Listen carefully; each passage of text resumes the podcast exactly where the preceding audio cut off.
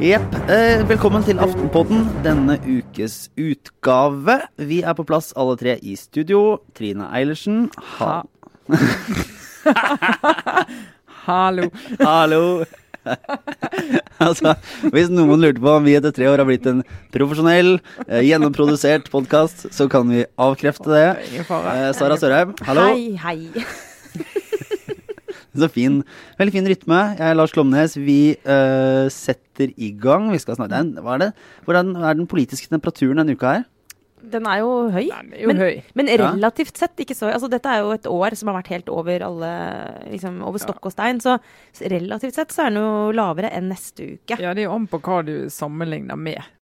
Men vi skal uh, snakke litt om KrF igjen. Det må man bare leve med, for dette Ah. Og- det eventyret fortsetter. Og neste uke. Det- Men altså, det er en helt ekstraordinær situasjon, så Ja. vi må liksom oppdatere dere på hva, hvor er vi nå. Ja, eh, Det har vi behov for. eh, Men vi kan jo starte med Sylvi Listhaugs bok, som eh, var annonsert og kom da rett i forkant av KrFs store avgjørelse. I kilder i og nær regjeringen så ble dette sett på som en mulig landmine. Det var noen jeg snakket med som sa at denne boken må bare bli stoppet, utsatt, kan ikke komme. Eh, Sånn kan vi ikke ha det. Men den kom. Eh, Du var på boklansering, Trine. Ja, jeg gikk på, på pressekonferansen i går. Eh, så jeg skulle jo ikke skrive om den. Det skulle jo du, eh, Sara, og Therese Sollien. Men jeg hadde lyst til å få med meg pressekonferansen likevel, for av og til er det jo litt gøyale ting som kan skje der. Og det var jo litt annerledes. Den var bare preg av to ting. Det ene var at det var relativt få journalister der, sammenlignet med en del andre boklanseringer.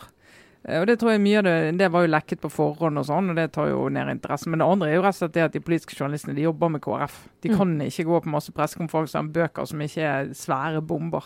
Men så var det jo andre som var der som ikke pleier å være på boklansering. Og det var jo Hans Rustad fra dokument.no var der. Stilte lange og til dels gode spørsmål, vil jeg si. Eh, til Sylvi Listhaug fra et helt annet sted. og Det er jo interessant. Og Helge Lurås og Resett-gjengen var der. og ja, og så var det jo jeg og min samboer og, eh, og eh, Erik Mosveen og hans kone. Da kan vi opplyse litt om Var at, eh, at eh, både du og Erik Mosveen er, er gift med hver deres journalist, eller samboer med hver deres journalist. Ja, så da Ja. var VG, Aftenposten, Adresseavisen og TV 2 eh, representert i en saus av eh, nære relasjoner. Så vi fant ut at det er viktig å ha noe å snakke om hjemme. Ha felles opplevelser rundt kjøkkenbordet. Eh, så dette ble en sånn en, da. Ja, ikke sant. Eh, og du, eh, Sara, har jo lest hele boka og anmeldt den. Mm. Mm. jeg har bare fått med meg det skal sies, Jeg rakk ikke å høre Dagsnytt 18 live i, altså det er torsdag i dag. Eh, på onsdag kveld, da, da Sylvi Listhaug var der eh, og ble spurt ut av Sigrid Sollund. Eh, og så, så jeg hørte både Politisk kvarter og Dagsnytt 18 i morges. Ja. Sånn i én lang seanse. Eh, som eh, Hva si Det var, eh, det var mye. Kan ikke du bare oppsummere litt? Hva er, det, hva er- hva er boka? Jo, men altså boka er det du opplevde i dag. Altså Å høre Sylvi Listhaug i Dags 18 og Politisk kvarter etter hverandre, bare mye lenger. Altså, for det er, en, eh, det er jo en veldig lang monolog, egentlig, hvor Sylvi Listhaug får snakke uavbrutt eh, om det aller meste i norsk politikk. Mest om de hjertesakene hennes, innvandring og særlig dette med sånn nor nor sånn, å la Norge få være norsk, liksom at Norge skal være Norge også i årene som kommer. Liksom om, om truslene mot vår, det beste ved våre verdier. Eh, og så snakker hun jo masse om eldre, eh, og, og krydrer det hele med sånne mer eller mindre relevante anekdoter fra oppveksten sin eh, på Sunnmøre. Blir kjent med mennesket Sylvi Listhaug? det, det rare er at det, det, er, det er Nei, det blir vi ikke. Men blir veldig godt kjent med hva hun mener om masse saker. Uh, og så kommer det sånne rare innimellom. Når det skal være personlig, så blir det helt sånn awkward, egentlig. Så kommer det sånn litt kvasifilosofi uh, basert på uh, at alt har ei mening. Sånn at hun refererer sånn stort og smått som skjedde i livet, og så er det sånn ja, de tingene som har privat karakter også, så er det sånn Men det var dumt at det skjedde. Men det var også bra, fordi det gjorde at jeg senere At noe senere i livet en dør som åpnet seg pga. dette, da. Ja. Og blant annet så er det Og det er noe veldig rart i den boka, men på en måte veldig fint at hun, hun skriver om spontanaborter, som er et tabutema. Så det er bra at hun skriver om det. Det mener jeg generelt. Det er åpenhet rundt det tror jeg er bra for mange. Men uh, hun, hun skriver om det. Men nettopp i lys av sånn. Men det var likevel bra at det skjedde, fordi da fikk jeg ikke barn da jeg isteden ble utnevnt til statsråd. Altså, det er en sånn helt merkelig eh, Merkelig blanding av stort og smått.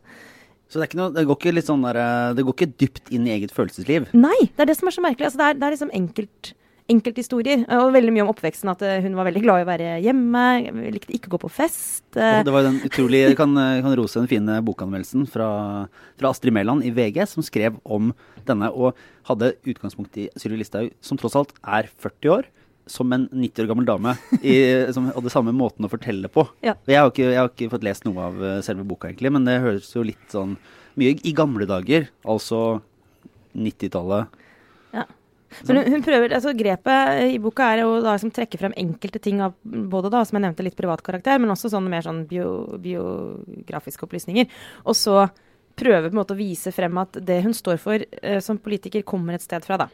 At hun, at hun, har fått med seg noen verdier fra sin oppvekst og den kulturen hun er en del av. Og så overfører hun det liksom på hva hun mener om ting. Og tanken er nok at hun skal fremstå som hel ved. Og at man skal skjønne liksom at her er det en, en, et realt kvinnfolk. Og at hun er liksom ikke en som lar seg pille ved nesen. At hun er sånn, står støtt ja, hun er jordrett. Sant? Jorda. Godt jordrett, ja. og ikke Men, noe fjas. Selv om hun tror at det er en, en mening med alt. Mm. Frykten var jo at uh, altså fra de som uh, på, på høyresiden som har lyst til å samarbeide med KrF, at dette ville være en, et nytt angrep mot Knut Arild Hareide og sentrale KrF-politikere og hele liksom det Hva skal jeg si eh, meningsberettigelsen til KrF. da.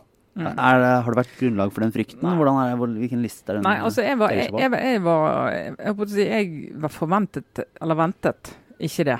At det skulle bli det. Fordi det er helt annerledes å ytre seg mellom to permer enn det i, å ytre seg litt sånn på radio, litt opphetet, og du kanskje ikke har helt perfekte formuleringer klar, og det kommer noen sleive greier sånn imamsleiking og en del av de tingene som hun har, har sagt. Og så har vi mange norske politikere som ikke er så flinke til å bruke bilder og metaforer. Det er nå ikke hun alene om. Men bommer du på det, så blir det brukt mot det. Men når du sitter og skriver, så så gjør du ikke det. Så jeg hadde ikke ventet at hun skulle være helt rabiat i den boken, og det er hun jo heller ikke. Nei. Og det er jo en av grunnene også til at den har fått mindre oppmerksomhet enn mange trodde. Han, men samtidig da, så ser du på mandag så Knut Arild Hareide, han, før han har lest boken, har jo han bestemt seg for at boken er nok et bevis på at KrF ikke kan samarbeide med Frp, og sier at dette samler eh, partiet. Og det er jo kritikk mot eh, KrF-ere der. Sånn, altså helt sånn tradd greie egentlig fra mm. hennes side. Det er ikke så Ja, og det, jeg syns jo Men det er ikke så, det er ikke så hardt som Nei. det har vært eh, når hun har snakket før, eller sånn som de har opplevd det før. da. Det er interessant, altså Hennes hovedfiende i boka, slik jeg leser henne, det er eh, to ting. Det, eller som henger sammen. Det ene er den såkalte meningsbærende eliten. For øvrig interessant hvordan hun lager en sånn distinksjon mellom den eliten hun åpenbart tilhører selv. Altså godt betalt stortingspolitiker med liksom, bolig på Oslo vest. Altså, det er litt vanskelig å hevde at du overhodet ikke har noe med eliten i samfunnet å gjøre. Eh, tidligere statsråd osv. Men hun sier at det, det, er ikke den eliten hun kritiserer. Det er den meningsbærende eliten. Og ramser opp liksom hvem som er med på det. Vi her i studio er for øvrig til orientering en del av den. Men, men de, de, hun, hun, mener at denne gruppen i samfunnet er, eh, ser ned på vanlige folk. Eh, og ja, kommer i det hele tatt med en ganske sånn krass kritikk, uten at det nødvendigvis er så konkret på folk. Men den personen som får mest kritikk, er jo Jonas Gahr Støre. Det er liksom hovedmotstanderen. Eh, og, og, så er hun egentlig overraskende lite opptatt av KrF. Og så er hun relativt sånn hva skal jeg si, altså sånn nysgjerrig nesten, eller i hvert fall litt sånn tilgivende, eller nesten litt åpen for Senterpartiet. Som Så var det første partiet hun stemte på. Ja. Pga. EU-kampen. Det syns jo jeg var veldig skremmende å lese. Ja, og, og, hun roser jo Anne Enger. Jeg er opptatt av at hun, selv om de er uenige om mye som hun skriver, så er det en politiker som hun virkelig som har latt seg inspirere av. da. Måten hun sto i stormen under EU-kampen. Så det, du får jo, på den måten blir du litt bedre kjent med Listhaug. Men det mest, um, syns jeg, som litt sånn det, det, verste med boka. For det er, det, den, på en måte kan den være interessant fordi du forstår hvordan hun er skrudd sammen. Men den retorikken vet, Hun blir jo ofte kritisert for å ha liksom, en sleip retorikk. Eh, og, og Støre er opptatt av en retorikk, en retorikk som skaper hat og sånn. Det syns jeg ikke kommer så frem i denne boken. Men det hun det trikset hun driver med, det er en klassisk øvelse i liksom, stråmannsdebatter. Uh, at hun først maler hun et bilde av noen som hun syns er helt idiot. Noen ganger er det liksom navngitte, andre ganger er det bare en sånn eliteaktig sånn gruppe som liksom sier at mange mener sånn og sånn. Og så fyrer hun løs på de holdningene og setter seg selv som liksom den kloke, da, eh, omgitt av idioter. For det var jo litt så klassisk fra, fra de to opptredenene hun hadde i NRK. Ja. At hun uh, kritiserer på en måte, ja, sånn metoo-bevegelsen, en del andre politikere Og så er det litt vanskelig å vite hva nøyaktig var Ja, hun hun går ikke- hun går ikke Hun knagger det ikke nei. på alltid på noe konkret. Hun går ikke inn i saker, hun, hun argumenterer mot, mot holdninger. Og i tillegg da holdninger hun selv først beskriver ganske sånn sleivete og sveipende. Og det, det gjør det til en veldig sånn vanskelig bok å forholde seg til sånn konkret. Altså det, ja. det, blir, det, blir en, det blir dårlig debatt ut av en sånn måte å gå inn i, inn i det på, da. Men det, men det er jo noe av det som er, er, er rart, egentlig. Eller kanskje det er helt forståelig. For det er jo en del av det som hun berettiget nok har vært opptatt av, det at ting hun har blitt sagt er blitt dratt etter hårene og vridd og vendt på og feil. Altså virkelig tolket i aller verste mening, eh, når du går tilbake og ser på det. Men så er det jo nøyaktig det samme hun gjør med en del av sine meningsmotstandere. Og tillegger de motiver, mener å vite hva de tenker egentlig. og liksom altså, noen sånne sammenhenger hun beskriver om hvorfor Arbeiderpartiet gjør det de gjør og mener det de mener, f.eks. Som er sånn ja, du, du kan godt lufte en sånn sammenheng, men å si at det er sånn, Uh, og heller høre på det som faktisk blir sagt, og se på det som faktisk skjer, og så debattere det, Mm. det er jo mye ryddigere, da. Mm. Er det, uh, det er jo snakket om Sylvi Listhaug som den neste lederen av Fremskrittspartiet. Et, dersom, typisk dersom uh, Fremskrittspartiet må ut av regjering, Siv Jensen finner ut at ok, dette er en god anledning til å overlate stafettpinnen til noen andre. Mm. Det, var det noen tegn i boka eller noen sånn tydelig liksom, vei videre for å skulle styre dette partiet? Eller melder Ja. hun seg liksom på? Eller er det, hvordan er hun posisjonerer seg der? Nei, altså ikke uttalt, ikke sånn ikke direkte uttalt, men eh, liksom på slutt, siste delen av boka, etter at hun har fortalt om avgangen og liksom det som er det dramatiske høydepunktet, så har hun liksom et lite kapittel hvor hun liksom skriver mye om litt sånn dette bør partiet mene om diverse saker, som, st som jeg stussa litt på. Kommer litt som en sånn haleheng i boka, som eh, man, hvis man vil, kanskje kan lese inn litt i den retningen du eh, beskriver her, Lars. At hun på en måte viser en slags vilje til å tenke litt rundt ikke bare hva hun mener, men hva partiet hun kanskje skal lede, bør mene. Men du er ikke sånn tydelig på at det er sånn eh, Fremskrittspartiet må ikke være et regjeringsparti Nei. eller sånn klare veivalg. Nei, for det som er så påfallende, er at det er jo ingenting om noen andre der, heller ikke Frp. Altså, hun skriver om andre mennesker eller andre størrelser når det er noen hun er uenig med, eller også når hun er noen hun skal rose. Men hun har ikke noe sånn det er, det er ingen andres perspektiver i boka. Altså, det er utrolig selvsentrert og egentlig enøyd. Altså, det er hva Sylvi Listhaug mener om sinnssykt mange ting. Men, men hun trekker ikke inn en liksom større analyse. Det, er- det er ikke noe f.eks.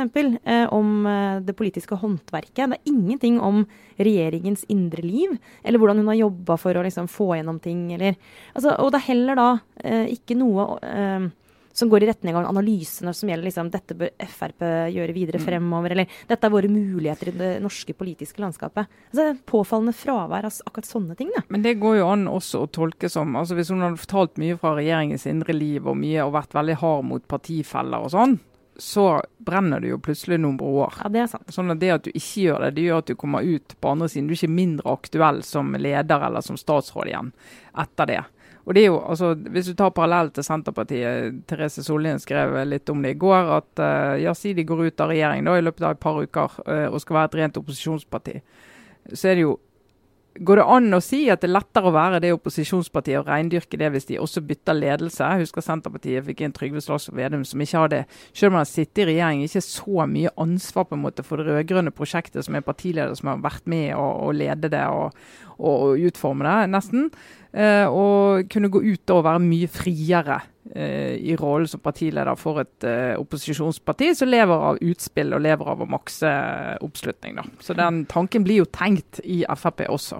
Det kan si, Der var det en kontrast til den boka som vi gleder oss til neste uke. I hvert fall Som jeg Ja. kanskje ser på som den som, som på store denne høsten, som er Per Sandbergs bok. Fordi det kommer jo et Fremmede makter har flyttet inn. Ja. eh, Fantastisk tittel. Var det? Eh, eh, politiske Politisk justismord. Justismord og politiske drap, eller noe Ja, sånt. det er en sånt, fantastisk Det tittel. var Men eh, den kommer jo neste uke, og der er det en liten passasje som er, er ute i VG allerede, som dreier seg om et kraftig oppgjør med Christian Tybring-Gjedde. Og, ja. og til dels Masiar Mazyar Keshvari. Der tror jeg du får Det blir skittent på en annen Altså Der tror jeg du kan liksom der, eh, du kan si, For det, det Sylvi Listhaug skal ha Hun er, hun er sleip i retorikken i boka. Uh, men det er, jo ikke, det er jo ikke drøye personangrep. Det er mer det at hun idiotforklarer en del folk. Altså setter folk i et dårligere lys enn en de burde. Altså Jonas Gahr Støre fremstår som eh, virkelig sånn altså, Det er ikke rettferdig den måten hun beskriver ham på. Sånn, det er ikke, eller for å si det sånn, det er ikke objektivt. Men det er heller ikke sånn Vi snakker ikke eh, personkarakteristikker av den typen som muligens eh, det ligger an til at kommer i Sandberg-boka. Der, der, tror jeg faktisk at det her, det, kan, det skal Sylvi Listhaug ha. Hun er jo for så vidt ikke Hun er mest opptatt av å få fram sin sak, da, tross alt. Eh, det virker ikke som et hevnoppgjør, men den boka til eh, Sandberg ja, den, den, kan, den er ja, ligger antageligvis vel så mye krutt i, og har vel kanskje ikke i hvert fall tenkt sånn langt på vei at han skal inn i en ny eh, partiledelse eller regjeringskonstellasjon. Nei, nå, det, tror, nå, er vel ikke det akkurat hans strategiske gen. Altså, Det er vel ikke hans personlighet å tenke sånn, Nei. Eh, tror jeg. Så, eh, men det som i hvert fall vedvarer i Norge, det er jo at, eh, at vi i den lille smale krets, da, som er veldig opptatt av norsk politikk, følger KrF dag for dag. Minutt gjennom, for minutt. Minutt for minutt gjennom disse Delegat for delegat. Ja, i fylkesårsmøtene som nå arrangeres. Så her i går var det Telemark som uh, var hjemme på mitt kjære Bø hotell mm. og hadde sitt møte uh, i timevis, mens uh, titusenvis fulgte på VGs direktesending, og, og, NRK hadde også sin stream. Ja, altså Vi kan jo røpe fra internt her at selv topp helt på hva skal vi si, øverste hold i VG uttrykkes det en slags forundring over disse lesertallene. sånn, men en direkte stream fra et lokallag, lokallag i KrF. Ja. liksom at titusener av mennesker sitter og ser på. Det er, det er i seg selv en helt, det er, sånn, det er helt bisarro situasjon. Ja. Men eh, kort fortalt, eh, Trine, hvordan, hvor står det nå? Vi kan vi ta dette dag for dag, ja. men sånn ja, Hvor er vi akkurat nå torsdag? Eh, altså torsdag litt over en uke før alt skal avgjøres på Gardermoen. Der, der, vi står nå, det er at disse fylkesårsmøtene begynte forrige lørdag er i gang. Og med en gang de begynte, så begynte KrF å diskutere oi, hvordan skal vi gjøre dette. Uh, hvordan skal vi stemme? Hvordan skal vi sikre at uh, når vi kommer til neste fredag, så sitter de som sitter i salen, om de taper eller vinner, så kjenner de at OK, det var demokratisk, det var åpent, alt har foregått ryddig.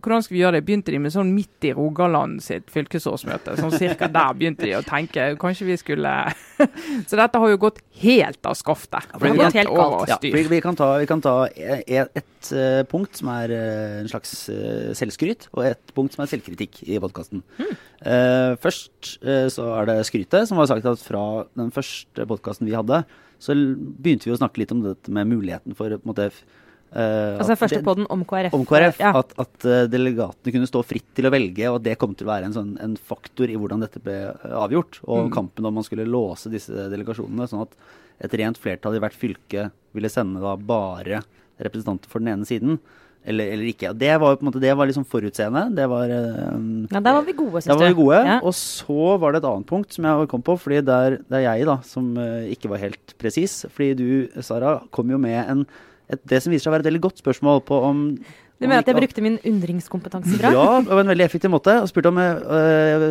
om, at, om at dette kanskje kom liksom litt brått på. Eller at det var litt sånn rar rekkefølge på partiet å gjøre det sånn. Mens jeg var eh, blasert og eh, liksom-fornuftig og sa at ja, men dette er jo ikke som starten på en prosess, det er på en måte slutten. Ja, Dette har de tenkt gjennom, liksom? Dette har de tenkt gjennom, det her har vært Og så er det sånn Det kan hende at i teorien så skulle KrF begynne å tenke på en avgjørelse allerede fra valget i fjor høst, og det skulle være klart at den avgjørelsen skulle tas nå. Men det viser seg vel at det ikke har vært sånn fullstendig gjennomtenkt hvert eneste punkt i denne prosessen? Nei, det er vel ingen punkt som har vært gjennomtenkt. Og det var, du vet, For mange av de ute i fylkene de fikk jo sjokk når de innså at de skulle ha landsmøte 2.11. Det var, Å ja, skal vi det, liksom? Hva, nettopp så vi skal ha landsmøtebehandling av det nå. For det er jo ingen som har snakket om det før. Det var jo noe de fant ut etter etter at Knut Arild Hareide hadde holdt sin tale, så hadde de et møte. Ja, eh, nå har lederen holdt en tale som nesten ingen her visste innholdet i, før han gikk på talerstolen. Og det var ganske sterkt budskap. Hvordan skal vi forholde oss til det i partiet? Hmm. Og, så, og, så, tror jeg mange der var så lammet at de har bare ikke klart å se alle synkeminnene som lå der fremme. Men det som jeg merker nå når jeg snakker med folk, det er at irritasjonen over eh, partisekretæren jeg vet ikke hva det heter, partisekretær, generalsekretær. Hilde Frafjord Jonsson er økende på begge sider. Altså Hun regnes som en som tilhører eh, venstresiden og ønsker det valget som eh, Hareide ønsker. Men som mange sier, det er jo hennes ansvar å sørge for å spille inn underveis. At her må vi sikre at prosessen blir god, at fylkene vet hva de skal gjøre. At vi liksom er enige om hvordan vi skal gjøre dette og ha en plan frem mot andre. Og En del mener da, på blå side, at det har ikke hun vært særlig opptatt av. Fordi at hun har tenkt at på denne måten her så sklir vi inn i, i et rødt valg. Mm. Mens de på hennes side, de som faktisk er enige med hun om at eh, vi ønsker dette skiftet, der er de også begynt å bli forbanna. For det er sånn Men uansett, selv om vi skulle vinne 2.11, så har det ikke legitimitet pga. prosessen. Nettopp. Og det har vært så mye rot og mistenkelig, mistenkeliggjøring underveis. Og det har jo virkelig tatt seg opp dag for dag for dag. Og det er jo rørende å tenke på hvordan det startet den fredagen. Knut Arild Hareide og de to nestlederne. Du var der, Lars, med Ja, pressekonferansen. ja, ja, det var så De fint kom og ut forenlig at Så harmonisk, og så eh, kom det som en liten bombe sånn fem minutter ut pressekonferansen. Forresten er begge nestlederne uenige med partilederen. Ja, hallo, er de det, ja?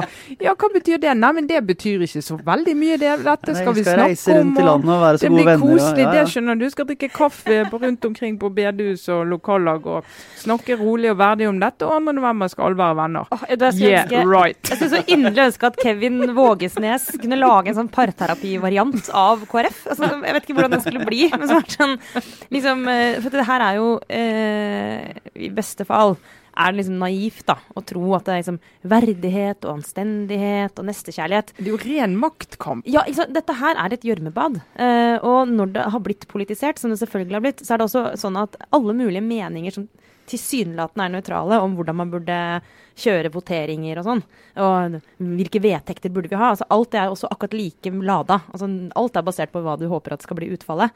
Det må man forstå før man setter i gang.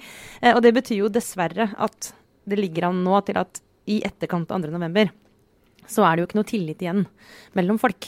Det er jo, tillit blir jo borte i sånne prosesser. Altså det, er liksom første, det er det første som ryker. Når det er, for at du begynner å skule på folk og begynner å stille spørsmål ved deres beveggrunner osv. Så, videre. så det er er- fascinerende at dette var tilsynelatende da, så dårlig eh, planlagt. Og så ser du at det, det kommer jo da ganske harde angrep, og, og som spill. Jeg ser bare en, um, altså lederen i KrFU som her i går da er sånn Vi ikke vil si om hun har tillit til Hilde Frafjord Jonsson. Ja, ikke sant. Og det var en, en, en, et ikke det. annet sentralstyremedlem som kom ut med sånn kritikk av håndteringa fra Jonsson. Og det, det ser jo fort da ut som en strategi for å rokke ved prosessen. da. Mm. Altså fordi hvis man, hvis man alle sto på og var sånn vi trekker i samme retning, vi vil få det her til, så hadde det jo altså Da tillater du deg å ha litt mer tillit enn det du egentlig har når du blir spurt av Aftenposten.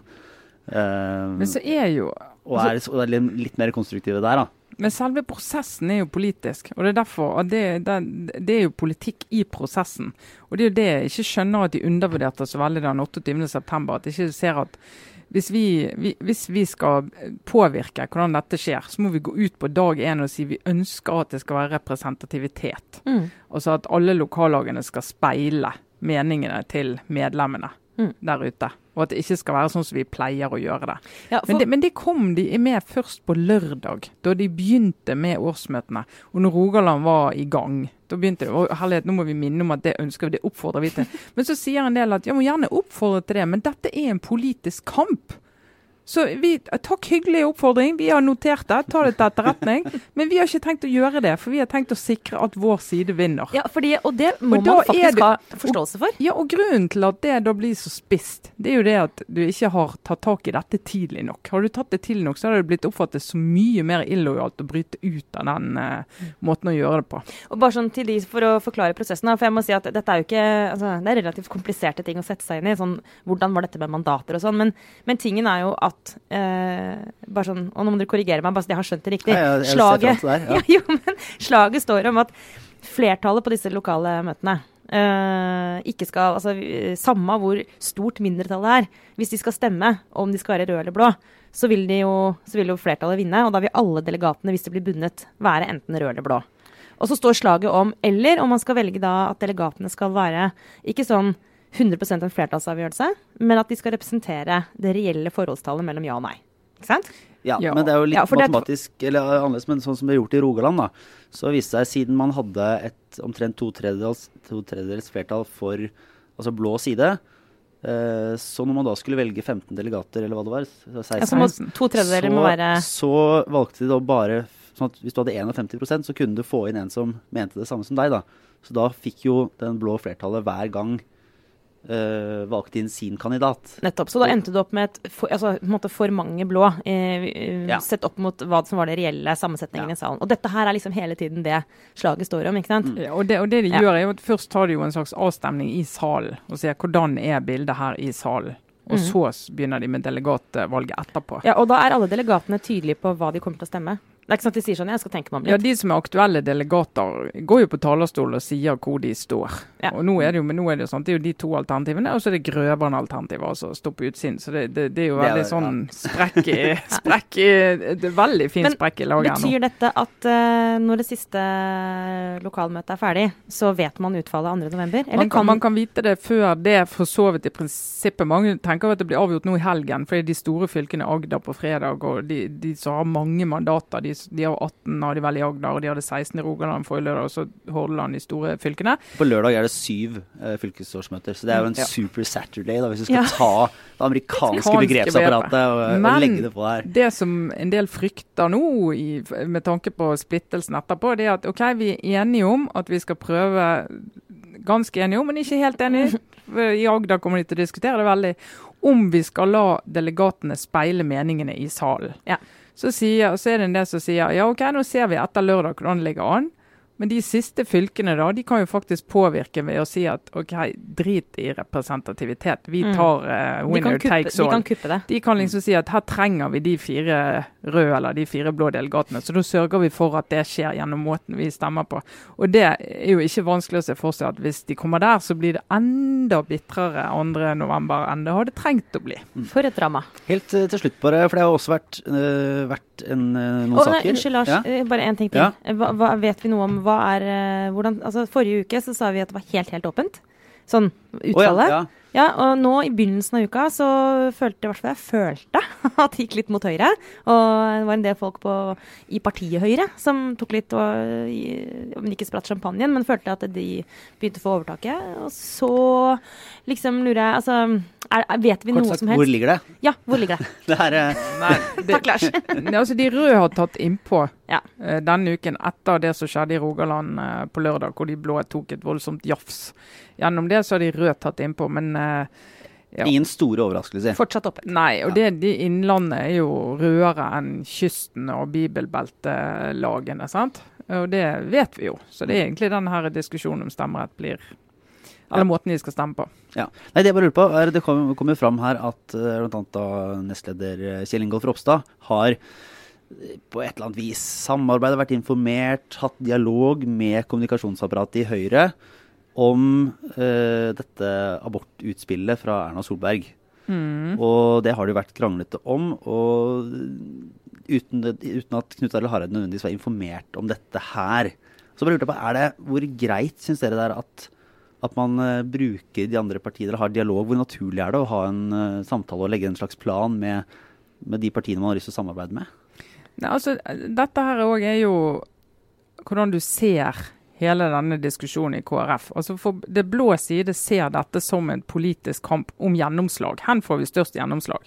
Mens Knut Arild Hareide sier at det handler ikke om gjennomslag på enkeltsaksnivå. Det handler om retningen og anstendigheten og tonen i debatten og litt mer sånn overordnet bygning på det. og Så får vi ta sakene etter hvert. Men her, akkurat det er de helt uenige om, hvordan de skal se på det. Og da det blå laget tenker at ok, hvis det er saker det handler om, så må vi lufte de sakene da, og se hva respons vi får på de. Mm. Eh, og så er jo Høyre åpenbart opptatt av å vise at vi kan gi mer enn den Respons. andre Kom hit siden. for respons. Så hvis du har lyst på respons, så her har jeg et forslag til en sak du kan uh, gå ut med, så kan du få respons.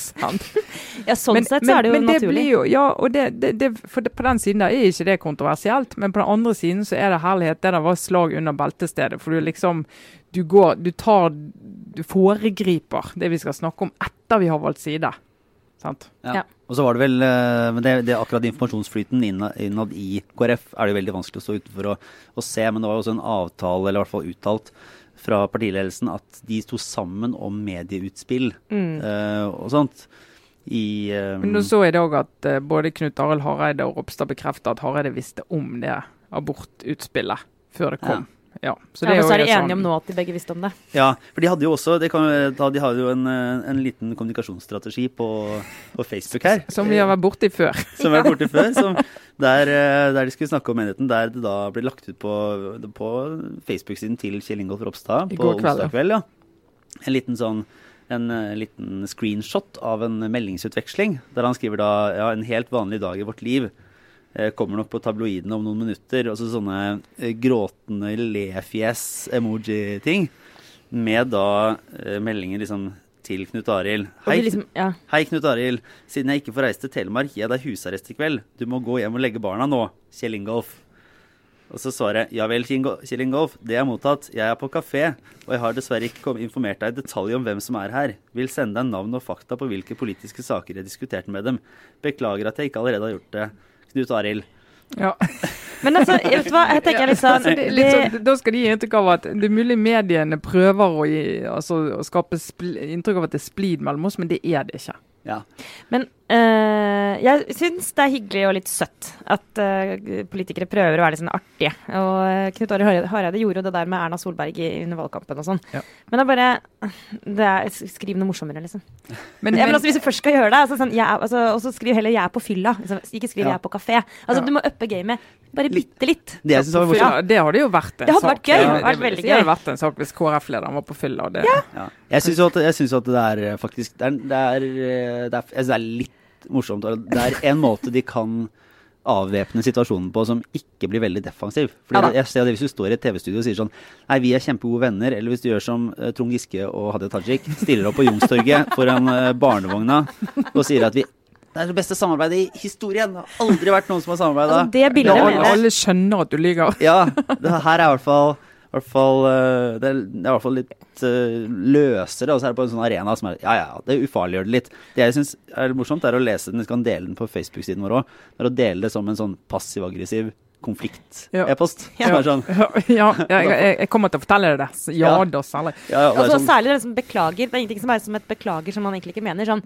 beklager. Beklager. Som, Ja. ja. Jeg er på kafé, tenk. og ja, jeg skal melde etterpå. Ja, men, dette er, eh, men før vi går videre, kan vi bare ta et moment å bare nok en gang bare feire at det bildet som du refererte til nå, av Trond Giske og, og Hadia Tajik med babyen til Giske, at det bildet fins i virkeligheten. At det faktisk ble tatt. At de stilte opp på den fotosesjonen og sa sånn Vi er kjempegode venner. Ja. Og Hadia titter sånn med sånn varmt blikk ned på babyen til, eh, til Trond. Liksom, vi snakker ett sekund før det bare gikk fullstendig til helvete. Og. Eh, ha det bildet i bakhodet hvis dere skal lese den 'Alle skal ned'. Fordi det, på dette tidspunktet det bildet er tatt, så er det jo allerede. Ja, se liksom. på datoen på det bildet. Men, Ja, eh, men okay, bare, en videre, bare men- siste ting om KrF. For det, det, som er, det som er med den utvekslingen til eh, Hareide og Ropstad der jeg tror faktisk at de på toppen de har en, de møtes hele tiden og snakkes hele tiden og har en ganske sånn ryddig tone, faktisk. Men folkene rundt de, på begge deler, de er så sur, mange av de. Ja, Og de jeg- holder på, mm. de, de er jo de som tipser om dette. Det er ikke de personlige, det er ikke på den måten. Men de andre rundt det de holder på. Det betyr at for partiet er det en reell konflikt også der. Og det bør de bare forholdes til. Hvis ikke så blir de altså, det- Guri land for en naiv gjeng, må jeg Unnskyld meg, altså. Men så, jeg synes det er helt herlig at det er sånn åpent. Det er virkelig sånn Tenk at det kan engasjere så mye. En klar videre og en klar taper. Jeg synes Vi må ta mer av dette inn i resten av norsk politikk. Så vi får jevnlig sånne ting der vi kan følge med og forstå hva som står på spill. Veldig, veldig moro. Og så, da, ja, og så er det jo faktisk politikk som diskuteres. Altså, selv om det er masse maktkamp og personkjemi som slår inn og sånn, så er jo dette her et reelt politisk veivalg. Det er litt deilig etter alle disse personalsakene. Men, som men kan vi ja. da, da må vi ta den lille statusen. Vårt land hadde en, eh, presentert en måling i dag, eh, som er tatt nå de siste dagene. og Det er nok mange i KrF som har håpet at det at du faktisk er tapet på alle, medier, alle nettstedene hver dag, og at du får snakket om politikk, du får snakket om abort, du får snakket om alt mulig. Ingen utslag på målingene, Nei, de, ja. egentlig. De som har vokst, er Arbeiderpartiet. Det går bra med de. Ja. Ja. Det hadde ikke trodd. Og så lekker KrF i massevis til Høyre. Ja, det er jo også interessant. Jo, men egentlig gir det jo mening, da, fordi du har rett, de får mye oppmerksomhet. Men det er, det er jo, altså, uansett om du, hvilken side du eventuelt skal ha sympati med eller håpe at skal vinne, så er det jo et parti som også fremstår som totalt useriøst. da. Du får ikke lyst til å stemme på det Ja, partiet. men akkurat nå vet du ikke hva det partiet står for om 14 år, så det er jo ikke så lett å Nei, det er sant. Og så er det åpenbar grunn til å ikke svare KrF Ja. hvis du blir spurt Så om det hva er skal lav du stemme. lojalitet, og det betyr jo at sikkert en del sitter på gjerdet og venter på fredag den andre.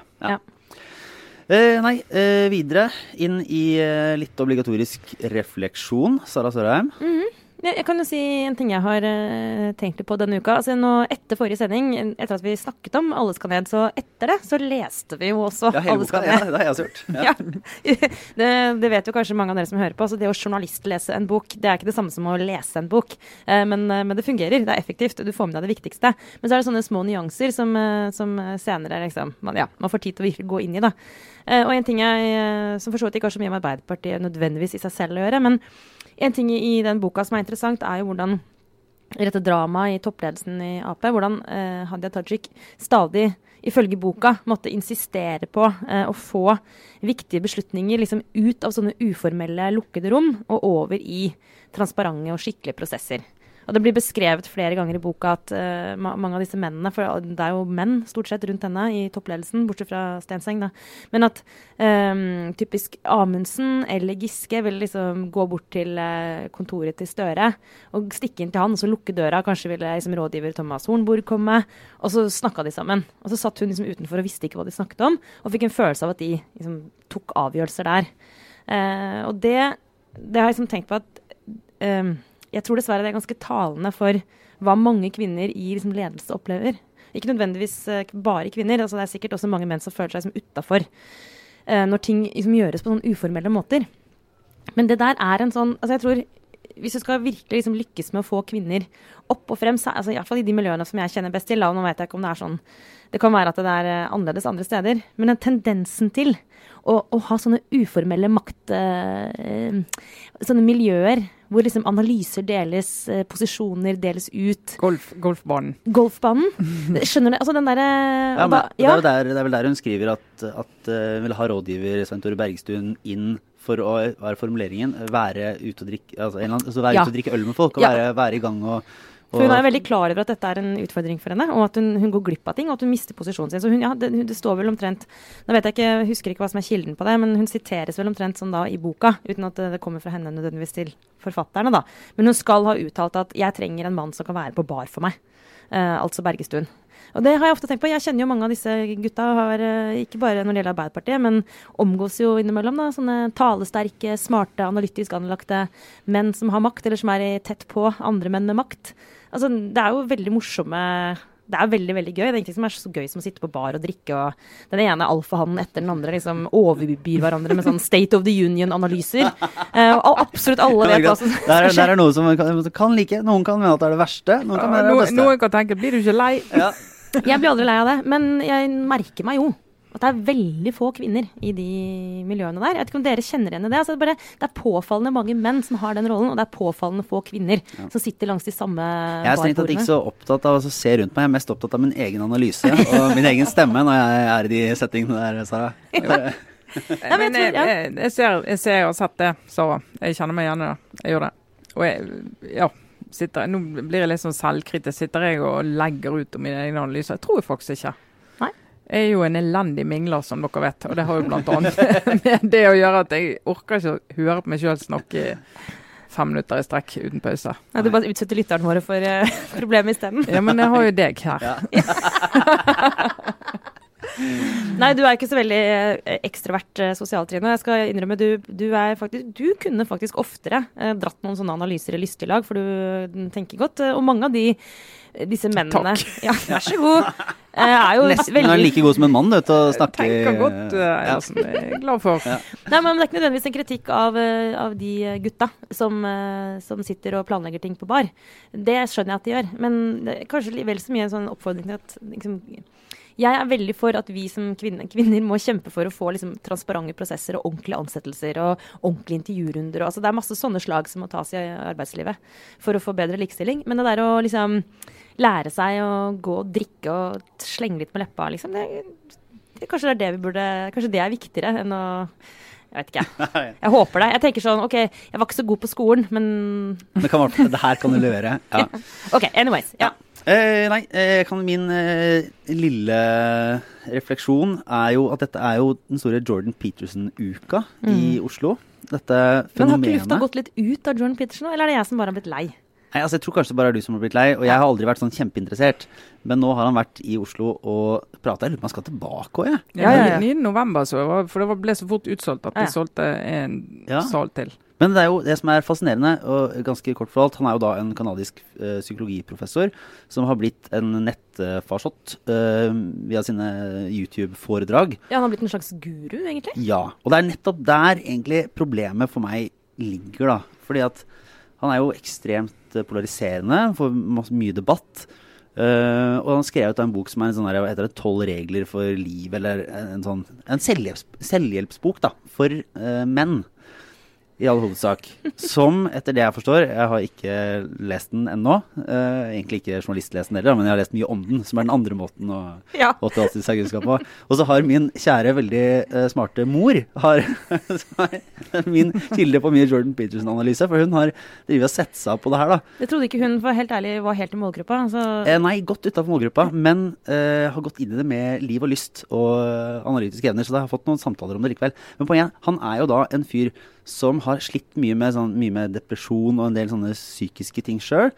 Og så har han lagd, gått inn i eh, hvordan folk skal liksom, få skikk på livet sitt. Da. Og det han leverer, er en oppskrift til særlig unge menn som handler om å ta kontroll over livet sitt. og Bli liksom, aktører i eget liv. Spille på det som er sånne jungianske prototyper. Og så skal de da være styrka Men mye av det er sånn rett deg opp i ryggen, rydd rommet ditt, kom deg på jobb. Det er litt sånn oppdragende, paternalistiske uh, forklaringer på hvordan du skal, som ung mann skal, skal være en helt da, i eget liv. Og det er litt sånn Ja, som en selvhjelpsbok kan folk bruke nesten hva de vil, så lenge de ikke er slemme andre. Det er oppdragelsessvikt at Jeg leser meg opp når jeg er litt eldre. Ja. Som er sånn, ok, Jeg hadde, hadde en fin oppdragelse. Det rota meg bort til ungdommen. Ble veldig slapp, lå bare på sofaen, fikk eh, til noe. Leser et par bøker, skjerper seg, får seg en jobb. Ja, supert. Men det, det jeg ikke skjønner, Det er- Jo, for jeg skjønner liksom ikke altså, For det der er jo helt sånn Ja, men så fint da at noen Det er helt, helt fint. Det høres Ja. lurt ut. Men liksom derfra til å få et sånt en status som en sånn, der, sånn der, slags Jeg vet ikke, en profet, liksom. Ja, men det er fordi han pakker det inn, virker det som, i mye sånn Nå merker jeg at jeg går litt langt utpå, men det som framstår som kvasiteori, og dermed så blir den opphøyd til en sånn samfunnsforklarende guru. Og da tenker jeg, selv om noe funker i en, en enkeltpersons liv som en selvhjelpsgreie, så kan du ikke bare bre det ut som en oppskrift på verdens problemer i dag. Altså, han, er, han er jo sånn der, liksom, ja, feministstaten og sånne ting som Altså, det er veldig, veldig grunne samfunnsanalyser, da. Som han Jo, men den der tendensen til å gå fra liksom, eh, hopp, det, der, det der er litt sånn nå, nå, også, nå hører jeg at jeg skal si noe som er sånn tynn is i hundre, men, men, men det er litt sånn der typisk menn. Den, jo, men Ja, den der, Vi må generalisere sånn voldsomt. Du har funnet ut én smart ting som, som virka. For at dette virka, liksom. Jeg begynte å stå opp og dusje hver dag. Jeg, det var, Ja. jeg føler meg mye bedre. Ja. Men så går det derfor at jeg skulle lage en sånn universell teori som alltid ender opp med at eh, alt er damenes feil. Og, Ja, og så får du sånn fine bilder. Sånn, eh, ja, så bare sånn Åh, det er Ingen sa til meg at jeg skulle stå opp og dusje. Fordi at det er så, det er så feminisert, den der vaginalstaten. Det ødelegger De lar meg ikke liksom kjempe det- for min ære. Hvis det er noe damene er opptatt av, så er jo at du står opp og dusjer, for å si Ja. det sånn.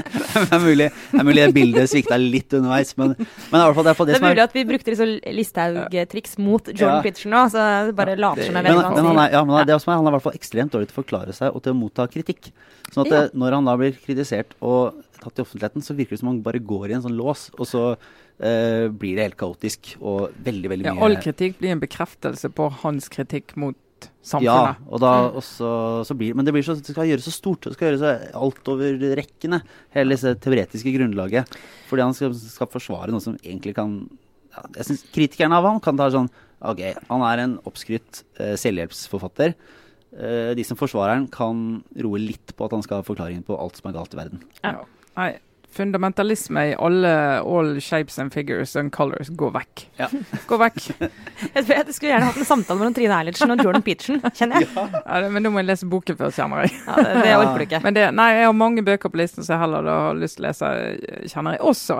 Men, og det her er jo ikke noe sånn glad anbefaling, det er jo ikke det. Men jeg syns likevel at folk skal ta seg tid til å se Apokalypse om første verdenskrig. Nei, på, nei. Jo, jeg syns det.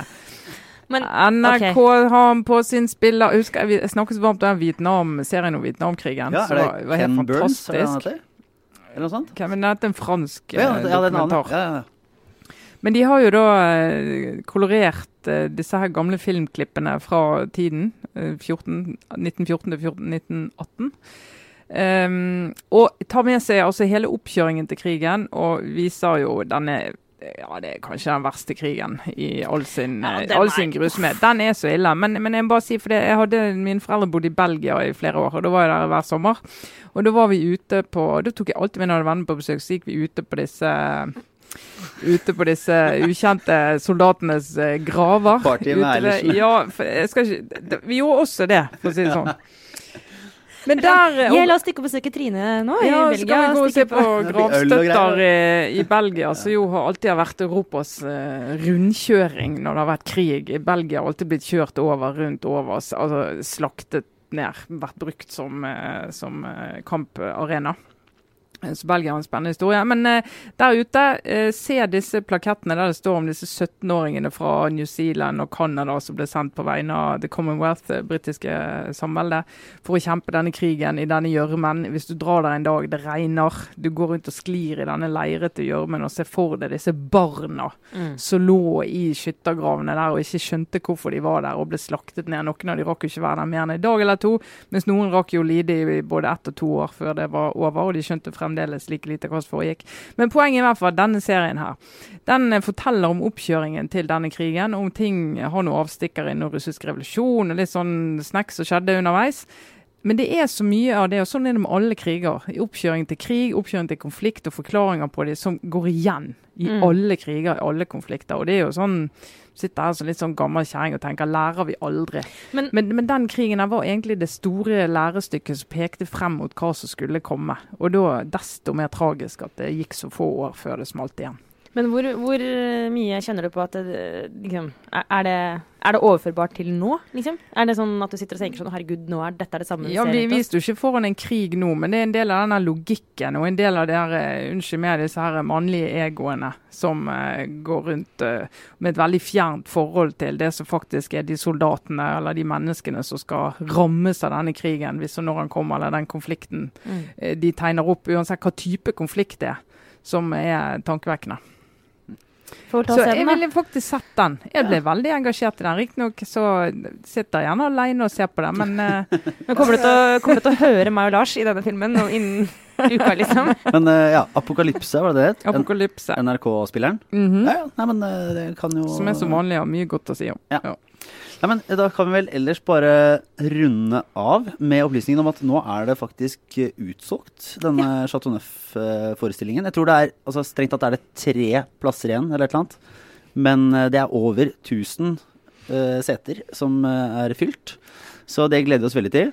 Ja. Uh, vi kommer vel på Facebook-siden vår, skal vi ta det så enkelt, kommer vi til å ha en eh, liten konkurranse der man kan uh, vinne et par billetter. Ja. Eh, men eh, hva den konkurransen går ut på, det står på Facebook-siden. Fordi vi har ikke blitt helt enige med oss selv. Den er ikke skapt ennå, er vel det som er riktig å si. Det er helt korrekt, Eilertsen. Eh, men det skjer snart, så idet uh, våre trofaste lyttere har hørt dette, så er den ute og eh, i gang. Ja. Og så takker vi for oss for denne gang. Ja. Trine, Sara, jeg Lars. Ha det bra. Ha det.